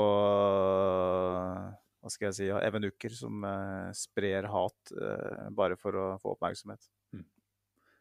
Ja, nei, men sånn Tilbake kort til Leno. da, når du sier det du sier om at dette på en måte kanskje fungerer som en skikkelig gjenopplivningseffekt av denne tabben her og det fokuset som har vært nå i etterkant, så kjenner jeg at jeg kanskje håper at det blir Leno i mål også mot Villarreal. At det er ikke et vondt ord om Matt Ryan, men det er vel en grunn til at han også havna eh, på andrekeeperplassen i Brighton. Eh, jeg tenker at Leno har helt, helt sikkert det høyeste toppnivået av de to. Og det, det trenger vi fort. Eh, det, kan, det, er vel et par av de offensive S-ene til er Villarreal som skåret mye i det siste. Så jeg tenker mm. at det er ikke umulig at det blir en hektisk dag på jobben for, for den som står i mål da, på torsdag. Så nei, Leno tenker vi kanskje blir eh, å få fornya tillit, da. Jeg håper det. Og eh, jeg vet ikke om vi skal rette blikket dit allerede, Simen. Det, det, er kanskje det som er eh, rosinen i pølsa for vår del nå. Eller det er vel det er ikke noe, noe tvil om det, egentlig. Det er en semifinale i en, en europacup mm. vi har foran oss. Det, det skal, må vi prøve å løfte oss litt imot. Jeg tenker vi, vi, vi, fortjener jo sånne type anledninger, vi som, vi som, fans. da. At det er virkelig mye å spille for. Og, og det er jo en kamp med litt schwung over òg. Altså, Villarreal er ikke noe småklubb. Vi spilte jo mot uh, samme lag i semifinalen i 2005-2006-sesongen, ikke sant. Uh, det er mange poenger her. Det er Emery som uh, skal Jeg vet ikke om han er ute etter hevn, han må vel kanskje føle det litt sånn. Så, så er det selvfølgelig også framtiden til den klubben her, hvis man skal sette litt på spissen, som står på spill. da, altså Champions League eller ikke noe Europa i det hele tatt, det er eh, en gigantisk forskjell før neste mm. sesong. Altså, det, det, er jo tidenes bonus om vi kommer oss inn i Champions League på den måten der. Det er jo en Vi snakka om livline her i stad, i form av Superliga. Det å få en Champions League-kvalifisering til uh, til neste sesong, det er eh, gull verdt, rett og slett, på alle måter. Og livet uten, det, det tror jeg kan eh, bli ganske trist. det er ikke sånn sørge på forskuddet denne gang, men eh, det er verdt å nevne at den kampen her skal vi preview litt mer med Petter Wæland, som jo er Viareal-fan. Det blir vel på tirsdag, tenker jeg. Men, men, før det så kan jo du og jeg få gjøre våre ekspertiser i ro og fred. Og er vi favoritt, rett og slett, eller? I den, eh, det dobbeltoppgjøret her? Nei, jeg vet ikke. Jeg vet ikke. Eh, jeg vil kanskje si at vi ikke er det. Eh, hm. Jeg vil si at vi er det. Ok. Ja. Det kommer nok selvfølgelig også litt an på hvordan situasjonen er med Aubameyang. Lacassette mm. kan vi jo ikke regne med, ser det ut til. Han, jeg vet ikke om det har kommet noen nyheter der, ja, men det er vel sannsynligvis et sted mellom to og fire uker, da. Ja. En lårstrekk. Men Aubameyang som har posta litt bilder av at han er tilbake på London Colony etter malariaen og sånt, eh, må vi vel kunne håpe på at det er eh, fit i hvert fall for å være med eh, på et eller annet vis i den kampen her. Og det, mm. det har jo veldig mye å si, så lenge Arteta tenker at det ikke er Martinelli, men Enketia da, som eventuelt blir spydspiss. Da, da er det lite firepower å gå på der oppe. Ja. Eh, Villarreal er vel ikke i noen sånn superform. Litt sånn i tråd med Emerys første sesong hos oss, så starta det veldig bra. Og presterte vel kanskje litt over eh, det som var forventa i form av eh, XG og sånt. Eh, og så har hun nå flata ut litt. og hva har du fant ut før her, at de har en form, formkurve siste tid på 4-1-5. Så det er jo absolutt et lag som, som, har sine svake sider, som vi bør mm. kunne utnytte. Men det blir ikke noe lett kamp. Du som da ikke engang tenker at vi er favoritt. Du stålsetter deg for det verste, du da, skjønner jeg? Nei, altså jeg tenker jo at det er relativt uh, store sjanser for at, uh, at, vi kan ta oss videre òg, altså. Uh, men selv om vi har latt oss Hva skal jeg si, ja? Ikke, altså, vi har ikke latt oss imponere veldig av det Una Emery har gjort i den tida vi fikk lov til å kjenne han som manager, eller hovedtrener, som han var hos oss. Uh, men du må jo se litt på hva han har fått til en, eh, i den turneringen her tidligere. Mm. Han er jo ekspert på de der uh, 180 minutters uh, oppgjøra. Han har, kommer seg jo nesten til finalen hver eneste gang. Mm. Og um, via Real Arsenal, det er jeg tenker relativt gjenbyrdig per nå. Mm. Uh, og da tenker jeg den rutinen til Emery kontra Teta fort kan bli avgjørende. men at det kan være en, et oppgjør som veldig marginalt, hvor en Aubameyang, hvis han blir klar, Eh, kan gjøre en stor forskjell. Eh, hvis vi stiller eh, uten Aubameyang og selvfølgelig da Lacassette, så tenker jeg at Villarreal er definitivt favoritter. Mm. Med både Moreno og Chucuesa sånn, som er spillere som virkelig er produktive. Chucuesa er en spiller jeg er livredd for, spesielt hvis vi skal ha Sjaka på venstre bekk. det må være litt stemning allerede. Ja, ai, ai, ai. så jeg tenker at uh, det her er veldig vanskelig å spå. Eh, og Du sier da at Arsenal er favoritt, og hva, hva, baserer du det da på? Ja, Det er et godt spørsmål, egentlig. Um, jeg, liker å tro at toppnivået vårt er høyere enn det vi er realsitt her. da. Jeg syns vi har sett uh, tegn til det flere ganger denne sesongen her. For sjeldent, selvfølgelig. Og det baserer jo egentlig på hva jeg har sett av oss, og ikke hva jeg har sett av Villarreal. For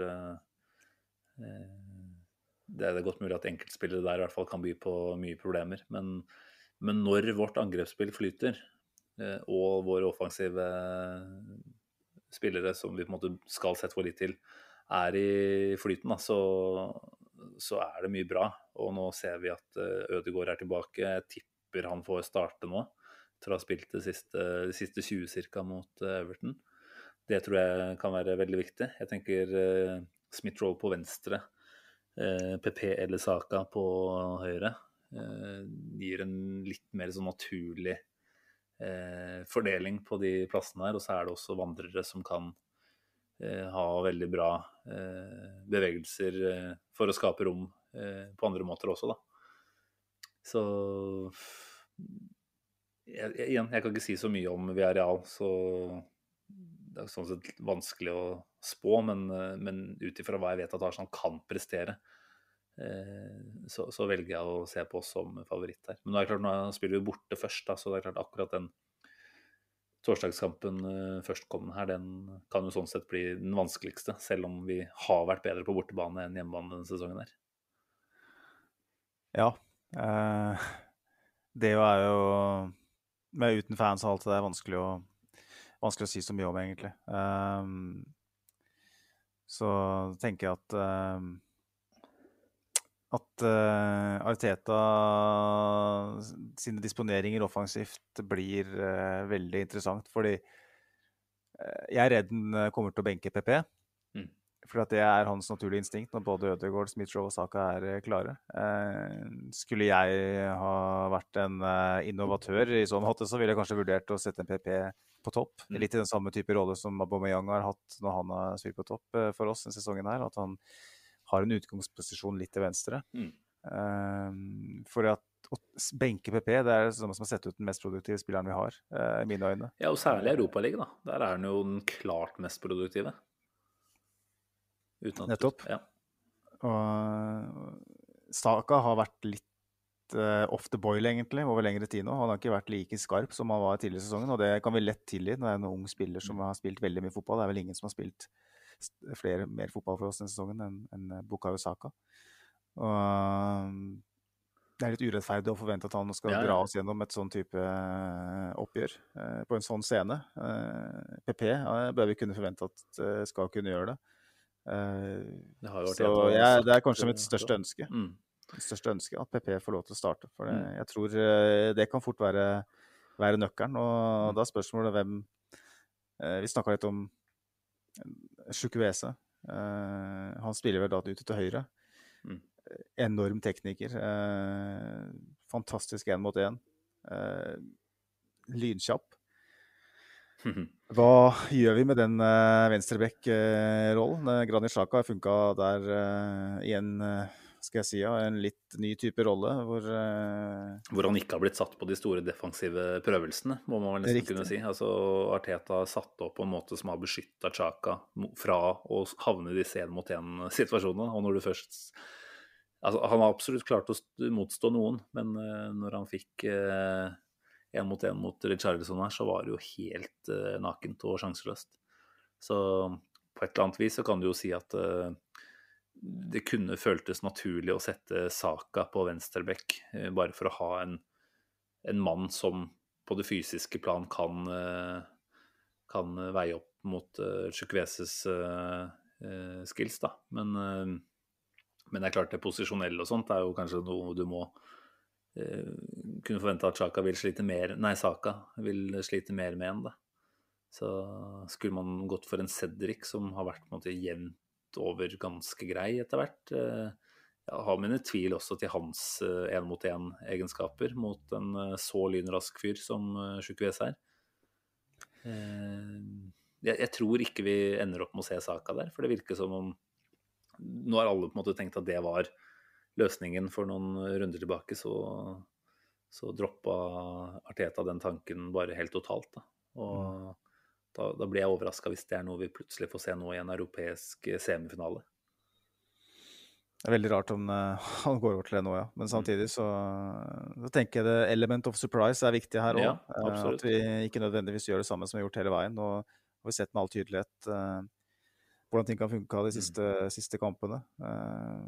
og som jeg sa, hvis man plutselig da kommer med en PP som spiss f.eks., så kan jo det overrumple mm. en, en Emery taktisk. Eh, Emery er jo en, en, mann som ikke er redd for å gjøre endringer tidlig. Han bytta jo gjerne til pause i ni av ti kamper, som sa litt om hvor feil han stort sett uh, tok fra start, men uh, det er en annen sak. Så jeg tenker at Arteta som kanskje mangler den, det instinktive sånn sett, da, som er litt mer redd for å gjøre endringer. det kan bli veldig avgjørende, tror jeg. Altså, hvem, hvem er det som hvis det blir en veldig jevnbyrdig og taktisk uh, batalje, hvem er det som av de to som klarer å ta de kloke valgene som gjør at han vipper det i sitt favør? For jeg mm. tror Arsenal kommer ikke til å skåre veldig mange mål i, i, det oppgjøret her. For jeg tror Emry han er forsiktig. Han er ikke, det er ikke sånn som Slavia Praha, som er vant til å vinne hver mm. eneste kamp i hjemlig serie og bare kaste kjøkkenvasken etter det, som man sier i England. Det kommer til å være et, et Viareal som eh, kommer til å ta det litt eh, chill og, og, vente på at Arsenal kommer til å gjøre litt feil. Og jeg tror Arsenal mm. kommer til å gjøre mye av det samme. Eh, ja. Jeg tror ikke Arsenal tåler å slippe inn all verdens mål i det oppgjøret her, så jeg håper iallfall at vi At vi Ja, altså vi snakka om at, det, at, det, at, vi ikke ønsker det, men jeg tror det er viktig å tenke, tenke litt safety first der. I hvert fall det første, første oppgjøret. Fortsett med, med, Holding og Marie. Det, det funker eh, ja. ganske bra. Jeg syns Pablo Marie var enormt bra mot Everton. Uh, beste kampen hans uh, uten tvil for Arsenal. Uh, Rob Holding gjør jobben sin. Han slipper å møte Cuesa, i hvert fall. Han spiller ute til høyre. så, så tenker jeg at vi at vi har, har en sjanse hvis vi, vi, klarer å få med oss et uavgjort resultat, i hvert fall, fra, mm. Fra El Madrigal. Jeg tenker at det må være et uavgjort resultat med en scoring, helst. Altså. For en 0-0 her, det, det, da er jeg ikke trygg på det som skjer uka etter, altså.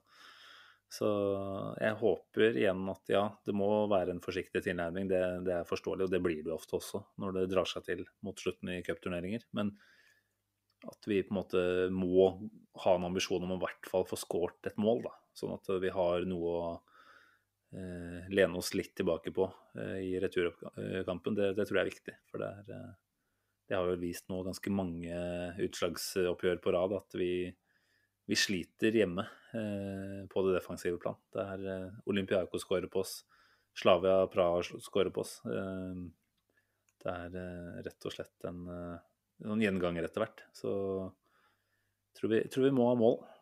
Vi har ikke noe Jens Lehmann i Gålen denne gangen som eh, tar det som kommer.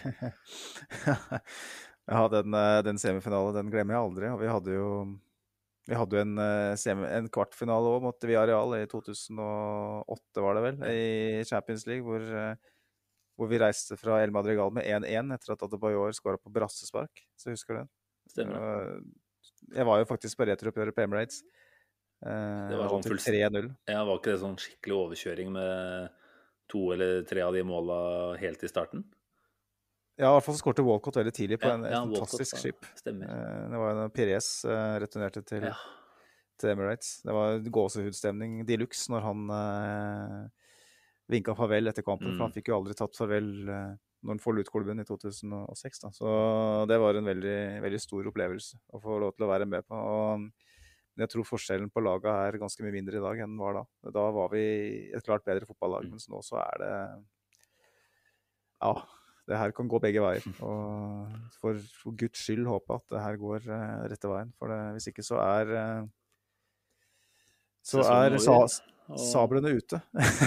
Ja da, og med rette. Altså, jeg tenker vi, vi tar jo ikke noe sorger på forskudd der, så vi, vi, vi har på en måte vært såpass kritiske i dag til Arteta som jeg syns det er fornuftig å være nå. Så det er klart at alt står jo og faller nå på om vi kunne ha kara oss til oss en, en Champions League-plass. Det er nok mange som vil kreve Artetas hode på et fat om vi skulle ryke her.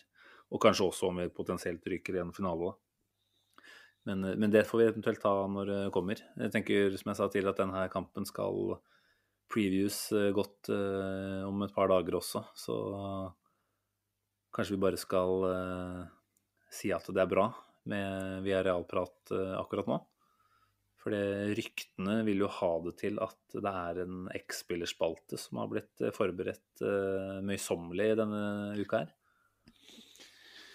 Ikke noe mer møysommelig enn vanlig, uh, for så vidt. Uh, det er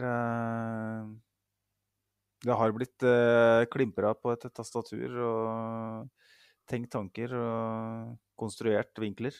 Så jeg får håpe at, at det kan være en liten sånn eh, distraksjon bort fra både Everton og Stan Cronky og KSI og Superliga og alt det dritet som vi har omgitt med oss siste uka. Du har redda meg flere ganger, du, altså, med de spaltene her. Fra, altså, nå er vi jo for så vidt to dager etter Everton-kampen, så det verste av skuffelse har jo på en måte blitt uh, vekk uansett. Men, uh, men ingenting er som å starte en ny uke med X-spillerspalten, Magnus. Og få et uh, tilbakeblikk på det som Jeg vet ikke helt hva vi skal si at den karen her i dag var. Jeg har vel faktisk fått litt info i forkant om, om hvem vi skal høre om. Så jeg, jeg gleder meg veldig til å høre hvor vedkommende er i dag, i hvert fall, for å si det sånn. Så du får egentlig bare starte når du er klar. Yes. Den nye Vieira. Den egyptiske De Nilsson. Romfords Pelé. Gjennom årenes løp har vi hatt mange spillere som på ulike grunnlag har vært gjenstand for referanser til legendariske fotballstorheter. Ok, den egyptiske Nilsson handler kanskje om noe annet, men ingen er vel mer treffende. Blant de treffende referansene skjuler det seg også kardinale grovbommer. Dagens X-spiller ble nevnt i samme åndedrag som en viss argentinsk magiker, og selv Ola Lundes karakteristiske røst kunne ikke skildre kulas skjeve ferd. Snakk om grov bom høger. Det er over skiva, ut av stadion og til skogs. Den japanske Messi ble han kalt. Gutten med rakettskoene og Sonic-sveis. Det var noe sexy ved ham, noe uforløst som lå der og bobla under overflaten. Man venta på at rakettskoene skulle slå gnister. Man venta på at han skulle danse seg gjennom portene. Men hver gang doktor Ivo Robotnik stirra med hvitøyet, endte det med retrett og støttepasning. Glimtvis kunne man se råmaterialet, som Wenger fremheva kry som en hane da han henta ham til Nord-London. Men det ble litt for puslete. Med en far som hadde vært proff basketspiller, kunne man anta at de fysiske forutsetningene for the nitty-gritty of the Premier League skulle være til stede. Og det, så, og det blir også for enkelt å skylde på fysikken. Den japanske Messi virka å mangle tilstedeværelse på banen. Presence, som de sier på Balløya. Der vi i dag ser unggutter som Bukayo Saka og Emil Smith-Roe gripe tak i penselen, ble vår japanske venn en anonym figur på lerretet. Det endte med sparsommelig fem kamper for førstelaget, samt et par imponerende prestasjoner i oppkjøringskamper. Spillere som Arshavin og Walcott sto foran ham i køa, og det førte til en serie utlån. I 2011-12-sesongen ble han lånt ut til Bolton, og fikk med det verdifull matching i den engelske toppdivisjonen. Og manager Owen Coyle lot superlativene hagle i sin omtale av leiesoldaten. Han er lynrask og har et helt utrolig teknikk, og det beste av alt er at han kun kommer til å bli bedre. Og etter tolv ålreite prestasjoner og to målgivende i Premier League hadde mange et håp om at rakettskoene endelig skulle tenne, og at portene sto for fall. Men han skulle ikke bli bedre. Sesongen etter ble han utlånt til Wiggen, og Roberto Martinez var ikke like imponert som Oven Coyle. Det endte med kun fire ligakamper, etter hvert en alvorlig skade som sørga for et prematurt låneavbrudd fra The Latics. I mars var han tilbake i Arsenal, og her fortsatte nedturen. Etter et mislykka opphold i FC Tvente, hvor han figurerte mer for B-laget enn førstelaget, var skjebnen forseglet for den lynraske teknikeren. Sommeren 2015 vinka han, farvel, til N5 etter nesten fem år i klubben. En trøblete ankel har senere sørga for at karrieren aldri har tatt helt av, og han befinner seg nå på nivå to i Tyskland. St. Pauli er klubben hvor han nå tjener til livets opphold. Rio Dinho, som han også ble kalt, vår japanske Messi, blir nok mest huska for referansene til sine søramerikanske overmenn. Men vi som dundra av gårde på hypetoget for vel ti år siden, kommer aldri til å glemme Ryo Miyachi. Rio Miyachi, oh, Rio Miyachi Han fikk den sangen, gjorde han ikke det? Det Nei, husker jeg ikke. Han, han, han, gjorde ikke det. Han gjorde ikke det. Gjorde seg ikke fortjent det. Eh, utrolig nok så har han blitt 28 år. Altså Han er litt sånn babyface eh, som du ser for deg er 20 fram til han legger opp, egentlig. Men 28 år, og nei, dessverre så ble det ikke noe ble ikke noe gjennombrudd eh, på noe som helst tidspunkt. Eh, men eh, det, det, jeg var interessert i i dag, var å finne ut hvor er han i dag. Og at han faktisk er i den dødsfete klubben St. Pauli, det var jeg litt sånn positivt overraska over, egentlig. Jeg trodde han kanskje hadde ramla enda mer tilbake enn som så. da, At det var en sånn ordentlig bakgårdsklubb. Jeg eh, vet ikke om han eh, spiller så mye, jo. Nå ser jeg faktisk her. Da. fra 2015 til i dag så har han 70 matcher, åtte skåringer for St. Pauli. Så vet dere det. Ja, han har klart seg helt greit. Uh, han har vel vært litt skada igjen uh, senere tid, så vidt jeg har klart å se. Uh, så skadeproblematikk har jo vært en av årsakene til at han ikke har lykkes. Jeg husker jo at, han, at jeg så han i en del oppkjøringskamper. og hadde, Han hadde en ekstrem fart. Mm, mm. og han viste tegn til, til en veldig god teknikk i tillegg, så det var, mange som, det var mange som satt på det hypetoget. Jeg var nok ikke, jeg sto nok sånn halvveis igjen på perrongen. Jeg tenkte at vi får vente og se litt. Grann.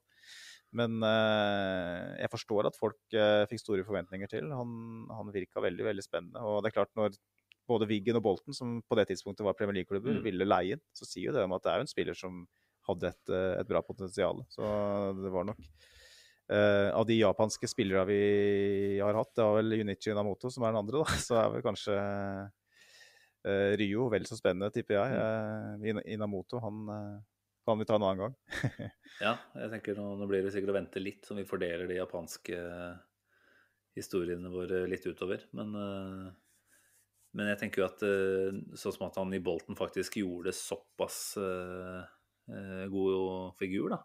Det, det, hadde egentlig passert meg litt, for jeg tenkte at dette var en som vi på en måte ganske tidlig kanskje aksepterte at ikke kom til å være Arsenal-spiller. Men men da, da, må jeg huske litt feil der, rett og slett. Da. For det er klart, hadde han et OK utlån til en annen Premier League-klubb, så, så, er det vel nærliggende å tro at han uh, Han fikk vel også noen flere sjanser, sa du, da, etter, uh, etter det utlånet der. Han var jo Altså, det ble jo gjort et poeng ut av at han uh, fulgte i Jack Wilshere sine fotspor. Da. For at Jack Wilshere var jo på Bolten på utlån sesongen før det virkelig eksploderte eh, for ham i, Arsenal-trøya. Og det var vel sesongen etter at Miachi var der, og gjorde òg en OK figur. Mm. Eh, så da tenkte man jo at, eh, at Arsenal hadde funnet en klubb der hvor, med Owen Coyle, da, som var en, en, manager som mange på den tida faktisk så for seg som en potensiell Wenger-arvtaker. Som spilte en type fotball som ikke var sånn kjempelangt unna det Arsenal forsøkte å gjøre. Mm. At, at, at, han kunne gjøre litt av det samme som Wilshere, da, Miachi, når han kom tilbake. Men ja, det, var, det, var, bra kø òg, i den posisjonen. Som jeg nevnte, det var Walcott og Shavin blant andre som, var, som sto foran i køa der. Så mm. Chamberlain var jo eh, en annen ung gutt som var på vei opp på den tida. Så han fikk vel egentlig aldri sjansen. Og viste vel òg, eh, når han kom til Tvente eh, etter han var i Wiggen, at, at, han ikke hadde klart å ta steget. Og da, mm. da ble det aldri den store, store japanske stjernen i Arsenal som vi hadde håpa på. Nei, man kan vel kanskje si at han fant nivået sitt i andre bonusliga, da, dessverre. Det er vel der han har vært lengst og bevist mest, for så vidt. Ja. Han er i primen nå, da, så plutselig så er han eh, oppe og nikker i en annen toppliga igjen. Kanskje møter vi ham i Conference League om et par år. jeg skal i hvert fall følge litt mer med på nå, kjenner jeg. For det, det, er jo sånn Det har bare blitt bortglemt, rett og slett. Og hvor han var, var jo som sagt helt sjanseløst å gjette seg fram til. Så da skal jeg, skal jeg et halvt øye med på St. Pauli-kamper framover. Se om det blir noe spilletid og noen målpoeng kanskje til og med for japaneren. Har du, Sa du om landskamper, eller forresten? Er, ikke... det er ikke mange. Det er ikke mange. Jeg var inne på Wikipedia-siden hans, selvfølgelig. Eh, det var det to kamper han hadde for Japan. og det var veldig ja, ja, såpass bare. Eh, hvor vår eh, vår venn uh, Junichi Inamoto hadde, var vel en, en gjenganger på det, på det, landslaget. Skal vi se om vi finner det skal vi se hvor mange var da. To kamper, ja. Og begge var i 2012. Ja. Så det er klart at han er nok ikke Han er nok ikke indrefileten av japansk fotball. KB-biffen av japansk fotball. ja, nei, men fin fint gjenhør, det der, altså. Eh, da er det vel sånn at vi kanskje begynner å nærme oss eh, slutten i dag, er det ikke det? Mye å ta tak i for så vidt eh, for min eller vår del på tirsdag, når Veland gjester. Tenker du, som er en seriøs arbeidskar, for å se om det lar seg gjøre å snike seg vekk en liten times tid på formiddagen. Jeg har i hvert fall lagt opp dagen min sånn at det det tar jeg meg tid til. Og så får vi heller eh, se om det blir eh, skikkelig sånn gravølstemning også ved neste helgekorsvei. Vi skal vel spille mot Newcastle på søndag om en liten uke, da. Så kan vi i hvert fall love at eh, vi begge er tilbake igjen med, med en ordentlig seanse sammen da. Mm. Eh, tenker vel at det holder for denne gang, Magnus. Gjør ikke det? Nå har vi kost oss her i halvannen time en søndag kveld. Håper at alle som har hørt på, har eh, kost seg like mye. Og så at det har vært en fin måte å starte, starte uka på. For de som uh, har oss i øret på vei til jobb eller underveis i arbeidsdagen eller hjemme på sofaen på en uh, mandag morgen formiddag. Eller for de som hører på fem år senere, som bare har lyst til å høre på alt det vi har lagd. Jeg håper virkelig ingen føler at uh, det er vi som skal redde dem om uh, noen år for å få slått i hjel tid. Det, det syns jeg nesten ville vært litt uh, trist, altså. Jeg tipper jo at Daniel Eek, som er framtidig eier i Arsenal, som, vi er jo på Spotify, at han hjelper oss litt. Så. Promoterer oss litt. Ja, satser på det. Ja, nei, men Magnus, takk for praten i dag. Eh, til dere som lytter på, så må vi jo bare si som alltid at vi setter stor pris på om dere har lyst, på, lyst til å gi oss en like eller follow på Twitter eller på Facebook. Eh, kom med innspill og reaksjoner når det er eh, poster som legges ut. Vi var vel litt seint ute i dag med å hanke igjen eh, spørsmål og sånt, men i dag hadde vi allikevel litt av hvert å prate om, så det, det fikk duge. Yes, Magnus. Da sier vi takk for i dag, og så takk for at du som lytter putta oss i ørene, og så høres vi igjen om ikke så altfor lenge. Ha det bra. Ha det.